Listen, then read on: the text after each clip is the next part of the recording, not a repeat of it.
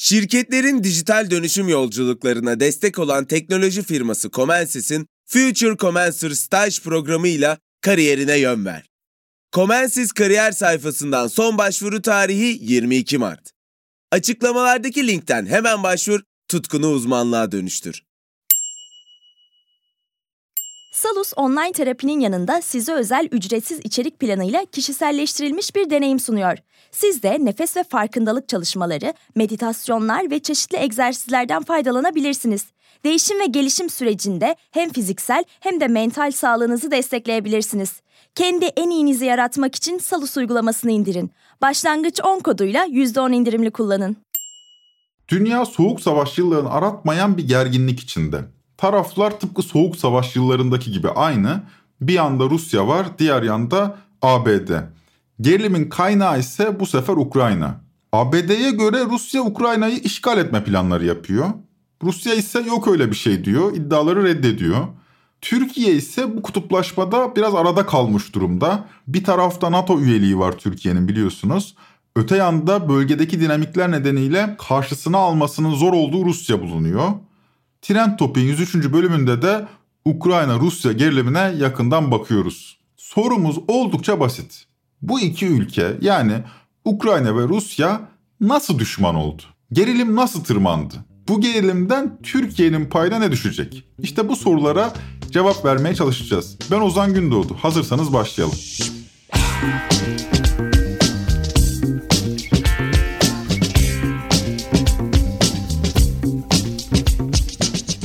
Tarafların temsilcilerini tanıyalım. Rusya köşesinde Putin ve onu temsilen Dışişleri Bakanı Sergey Lavrov var.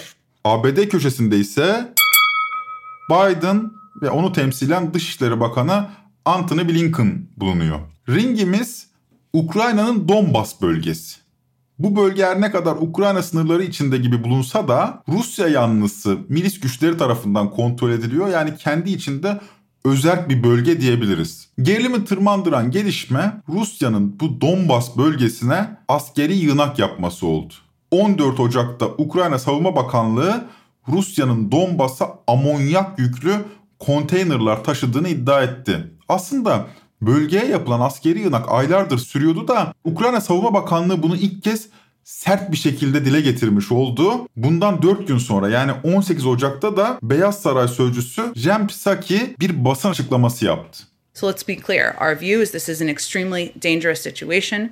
We're now at a stage where Russia could at any point launch an attack in Ukraine. Psaki'ye göre Rusya her an Ukrayna'ya saldırabilir. Dolayısıyla bu açıklamayla aslında ABD bütün dünyaya bir kırmızı alarm notu göndermiş oluyor. Buna karşılık Rusya tarafı ise askeri yığınağın kış aylarına ilişkin rutin tatbikatlar olduğunu söylüyor. Yani aslında iddiaları reddediyor Rusya. Hiç öyle bir niyetimiz yok diyor. Ruslara göre saldırı iddiaları batı kaynaklı ve dezenformasyondan ibaret. Her halükarda bölgedeki ipler ama fazlasıyla gergin ve gerginlik Amerika'yı da etkisi altına almış durumda. Çünkü 20 Ocak'ta Joe Biden düzenlediği basın toplantısında e, Rusya'nın Ukrayna'ya gireceğini söyledi. Saldıracağını, işgal edeceğini hatta söyledi. Olası bir işgalin Rusya Devlet Başkanı Vladimir Putin için de Rusya ekonomisi için de felaket olacağını ifade etti. Biraz da ufak çapta bir tehditkar dil de kullandı. And so I think what you're going to see is that Russia will be held accountable if it invades. And it depends on what it does. It's one thing if it's a minor incursion and then we end up having a fight about what to do and not do, etc. But if they actually do what they're capable of doing with the force amassed on the border, it is going to be a disaster for Russia if they further invade Ukraine, and that our allies and partners are ready to impose severe cost and significant harm on Russia and the Russian economy. Peki bu Rusya-Ukrayna gerginliğinin nedeni ne? Gelin olayları biraz daha geri plandan alalım, biraz tarihselliğine odaklanalım. Her iki devletin de kökleri 13. yüzyılda yıkılan Kiev Dükalığına dayanıyor.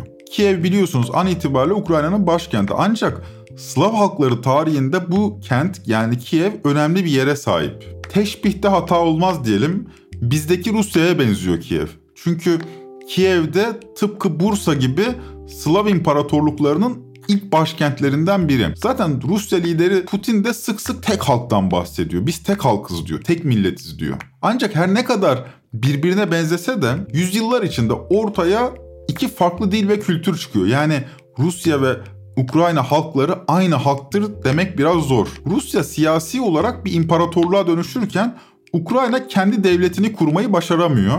17. yüzyılda bugünkü Ukrayna topraklarının büyük bölümü Rus İmparatorluğu'nun bir parçası haline geliyor. Rus İmparatorluğu 1917'deki sosyalist Ekim devrimiyle dağıldıktan sonra da Ukrayna Sovyetler bile dahil oluyor. Yani aslında ortada bir Ukrayna devleti diye bir tarihsel bir devletten bahsetmek pek mümkün değil. Daha çok Rus İmparatorluğu'nun altında yaşamış bir toprak parçası bir ülkeden bahsediyoruz. Ukrayna milliyetçiliğinin en önemli nefret objelerinden biri dolayısıyla Rusya. Bu milliyetçilik özellikle Rus düşmanlığı üzerinden yükseliyor. Tabi Rus düşmanlığı basit bir düşmanlık değil. Çünkü bu düşmanlık aynı zamanda bir ideolojik arka plan da sunuyor. Rusya yıllarca biliyorsunuz komünist bloğu yönettiği için Ukrayna milliyetçiliği sıkı bir antikomünist hatta yer yer Nazi sempatizanı olabiliyor. İkinci Dünya Savaşı sırasında Nazi Almanyası'nın Sovyetlere dönük saldırısında da Ukraynalı milliyetçiler Nazilere verdiği destekle biliniyor. Hala da Kiev'deki bazı Rusya karşıtı gösterilerde Nazi bayrakları sallandırılıyor Ukraynalı milliyetçiler böyle Nazi sempatisini çoğu zaman saklamıyor bile. Bu tip bir milliyetçilik de Ukrayna'yı Rusya'dan uzaklaştırıyor ve batıya yaklaştırıyor. 1991'de Sovyetlerin dağılmasıyla birlikte Ukrayna bağımsızlığını ilan ediyor. 90'lı yıllar Rusya ile böyle irili ufaklı gerilimler ve büyük ekonomik bunalımlarla geçiyor. İşte 91'den 99'a kadar sert bir ekonomik resesyon süreci var Ukrayna'da. Fakat 2000'li yıllarla beraber ekonomik büyüme başlıyor ama aynı zamanda Rusya ile çatışmada derinleşiyor. Çünkü Ukrayna gibi büyük bir coğrafyada Rusya karşıtı bir iktidar Moskova için hiçbir zaman kabul edilebilir değil. Hele ki 99'da iktidara gelen Vladimir Putin için. Tümüyle Rusya yanlısı bir lider de diğer tarafı yani AB-ABD hattını tehdit ediyor. Onlar için tehdit olarak algılanıyor. İşte bu gerilimde önemli dönemeçlerden biri 2004 Ukrayna seçimlerinde dönülüyor. Alanında lider teknoloji şirketi Comensis, mühendislik, tasarım, ürün geliştirme, test mühendisliği ve bulut gibi alanlarda staj yapmak üzere 3. ve 4. sınıf öğrencilerini arıyor. 8 Temmuz'da başlayacak ve 6 hafta sürecek programa Comensis kariyer sayfasından son başvuru tarihi ise 22 Mart. Future Comensir ile akademik bilgilerini uygulamalı deneyimlerle pekiştir, tutkunu uzmanlığa dönüştür. Salus uygulamasında klinik psikologların yanında online görüşme yapabileceğiniz farklı uzmanlar da var. Çocuk gelişim uzmanı, diyetisyen veya fizyoterapist. Bu sayede değişen ihtiyaçlarınıza uygun beslenme, egzersiz ve sağlıklı yaşam rutinleri oluşturabilirsiniz. Salus uygulamasını indirin ve başlangıç 10 koduyla %10 indirimden yararlanın. Detaylar açıklamalarda ve salusmental.com'da. Ne oldu bu seçimde? Bir tarafta Rusya yanlısı Viktor Yanukovych var. Diğer tarafta milliyetçi ve batı yanlısı Viktor Yushchenko. Seçimler kıyasıya bir rekabetle geçiyor. İlk turda sonuç alınamıyor ama seçimin ikinci turunda Rusya yanlısı Yanukovych az farkla seçilince olanlar oluyor. Uluslararası gözlemciler seçimlerde ihlal ve hileler var diyor. Batı yanlısı aday Yushchenko da taraftarlarına sokağa çıkmalarını ilişkin bir çağrı yapıyor. Ardından Kiev'deki bağımsızlık meydanı başta olmak üzere ülkede kitlesel gösteriler patlak veriyor. Bunu nasıl hatırlarsınız turuncu devrim diye anılmıştı o zamanlar öyle hatırlayabilirsiniz. Gösterilerin büyümesiyle seçimler tekrar ediliyor. Bu sefer de Yushchenko Rusya yanlısı rakibi karşısında %52'lik oy oranıyla kazanıyor. Böylece Ukrayna'nın başına ilk kez açıktan Rusya karşıtı bir isim geçmiş oluyor. Bu olay Rusya ile Ukrayna arasındaki ilişkileri geri dönülmez biçimde değiştiriyor. Yushchenko'nun görev süresi boyunca Rusya, Ukrayna'nın doğal gaz musluğunu 2006 ve 2009'da olmak üzere iki kez kapatıyor. Şimdi doğal gaz musluğu kapanmış. Bu durumun Ukrayna'da yarattığı mağduriyeti tahmin edebilirsiniz. Dolayısıyla zaman geçtikçe iki ülke arasındaki gerilim sürekli derinleşiyor. 2004 nasıl bir kırılmaysa turuncu devrim olmuştu hatırlayın. 2008 de benzer bir kırılmaya neden oluyor. ABD Başkanı George Bush görev süresinin dolmasına ramak kala yani 2008'de bir bomba patlatıyor. Diyor ki Ukrayna ve Gürcistan'ın NATO'ya alınmasını istiyorum. Böyle diyor ama Fransa ve Almanya'nın engellemeleri işte Rusya'nın güçlü itirazı nedeniyle bu talep rafa kaldırılıyor. Fakat Rusya için Ukrayna'nın NATO üyeliğine karşı çıkmak bir milli davaya dönüşüyor. Çünkü Gürcistan ve Ukrayna'nın NATO üye olması demek Rusya'nın Karadeniz'deki tüm komşularının NATO üyesi olması demek. Dolayısıyla Karadeniz'in bir NATO iç gölü haline gelmesi demek. Böylece Rusya bu gerginlik karşısında hem Gürcistan sınırına hem de Ukrayna sınırına askeri yığınaklar yaparak bu iki ülkeyi askeri anlamda domine etmeye çalışıyor. Hatırlayın daha önce de zaten Gürcistan'a asker sokmuştu Rusya. Aynı zamanda aynı süreçte Ukrayna sınırına da askeri yığınak yapmaya başlıyor. Yushchenko dönemi 2010 yılında yapılan seçimlerle sona eriyor. Yerine 2004'te Yushchenko'nun rakibi olan ve Rusya yanlısı olduğu iddia edilen Yanukovych seçiliyor. Ülkedeki iç gerilimi bir düşünün. Yani 2004'te meydanlara inme çağrısı yaparak Yanukovych'i deviren Yushchenko 2010'da bu sefer koltuğunu aynı isme yani Yanukovych'e bırakmak zorunda kalıyor. Yushchenko döneminde Batı ile kurulan Avrupa Birliği Ortaklık Anlaşması süreci Yanukovych döneminde de devam ettiriliyor ama. Putin bu sürecin sonunda Ukrayna'nın batıya entegre olacağından tedirgin tabii. Bu yakınlaşmayı şiddetle reddediyor. Bu yakınlaşmayı bozmaya çalışıyor. Anlaşmanın imzalanmasına sadece birkaç ay varken Moskova yönetimi yani Putin 2013 yazında Kiev'e büyük bir ekonomik baskı uyguluyor ve Ukrayna'nın Rusya'dan ithalat yapmasını engelliyor. Şunun altını çizelim. Ukrayna ekonomisi önemli ölçüde Rusya'ya bağımlı. Yani Putin'in ekonomik ambargosu Ukrayna'da çok ciddi bir ekonomik kriz tetikleyebilecek güçte. 2010 seçimlerini kazanarak iktidar elinde bulunduran o dönemin Ukrayna Devlet Başkanı Yanukovych de AB ortaklık anlaşması henüz imza aşamasındayken ortaklık anlaşmasını şaşırtıcı biçimde askıya alıyor. Sona gelmiş anlaşmadan Yanukovych cayınca bu sefer çoğunluğu radikal milliyetçilerden oluşan kalabalıklar ikinci kez ayaklanıyor ve bu ayaklanmanın sonunda tuhaf bir şey oluyor. Ukrayna devlet lideri Yanukovych Şubat 2014'te Rusya'ya kaçıyor. İşte bu iki ülke arasında geri dönülmez bir yola da 2014'te giriliyor. Moskova Ukrayna'daki siyasi otorite boşluğundan faydalanarak iki ay sonra yani Nisan 2014'te Kırım'ı ilhak ediyor. Bununla da kalmıyor.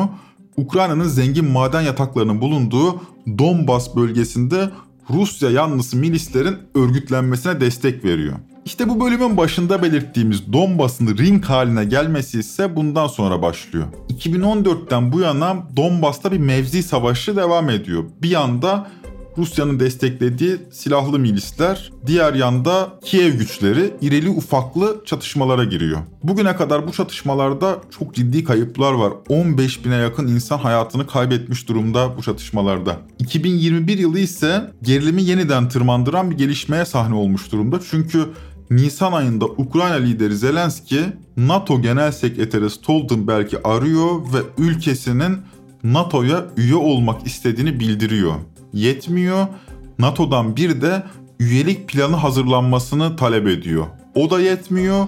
Bunu kamuoyuna açıklıyor. Kamuoyuna açıklarken de Ukrayna'nın NATO üyeliğinin Rusya'ya verilecek gerçek bir cevap olacağını dile getiriyor. Yani Zelenski resmen Putin'in sinirleriyle oynuyor.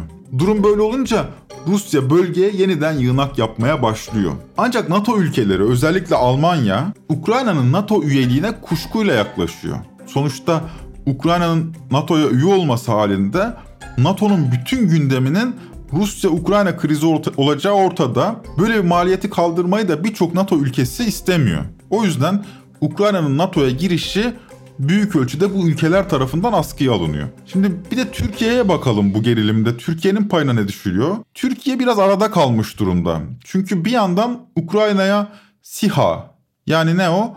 Silahlı insansız hava aracı satıyor.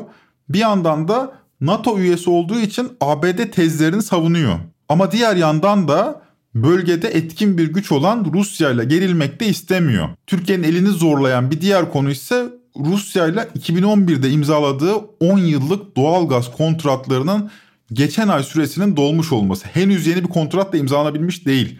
Yani Aslında Rusya ve Türkiye şu anda doğalgaz pazarlığı yapıyor. Doğalgaz elinde bulunduran güç Rusya olduğu için Rusya'nın eli Türkiye karşısında bu anlamda güçlü. Bir de üzerine Suriye krizi var biliyorsunuz. Suriye gündemi nedeniyle Rusya ve Türkiye sürekli bir temas halinde. Bu yüzden Türkiye'nin şimdilik ara buluculuk görevi üstlenmek gibi bir niyeti var. Yani doğrudan tavır sahibi olmakta zorlanabiliyor Türkiye. Cumhurbaşkanı Erdoğan da Şubat başında Kiev'i ziyaret edecek ve Ukrayna Devlet Başkanı Zelenski ile görüşecek. Erdoğan'ın 21 Ocak'ta yaptığı açıklama şu şekilde. Rusya ile Ukrayna arasındaki bu gelişmeleri doğru bulmuyoruz. Zira bölgede bir savaş atmosferinin olması, böyle bir psikolojinin doğması bunlar bizi de her iki tarafla münasebetleri olan bir ülke olarak üzmektedir. Önümüzdeki ayın başlarında malum Ukrayna ziyaretim var. Bu arada Sayın Putin'le olan görüşmeleri aynen devam ettiriyoruz, devam ettireceğiz. Temennimiz o ki bir an önce Sayın Putin'le Zelenski'yi bir araya getirebilmek ve yüz yüze bir görüşme yapmalarını temin etmek.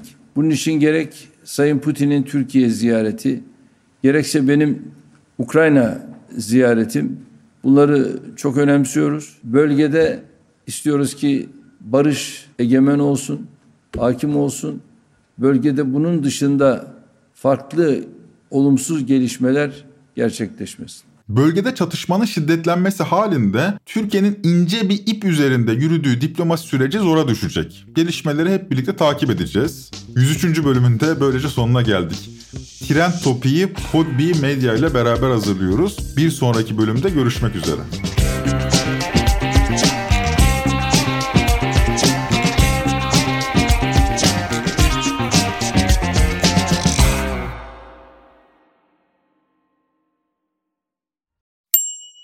Future Commencer staj programı ile kariyerine yön ver. Comensis 6 haftalık staj programı için 3. ve 4. sınıf mühendislik öğrencilerini arıyor. Comensis kariyer sayfasından son başvuru tarihi 22 Mart. Açıklamalardaki linkten hemen başvur, tutkunu uzmanlığa dönüştür.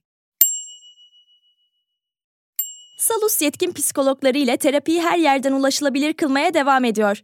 Yaşam tarzı değişiklikleri, adaptasyon sorunları, yalnızlıkla başa çıkma gibi konularda online terapi desteği için Salus uygulamasını indirin. Başlangıç 10 koduyla %10 indirimli kullanın.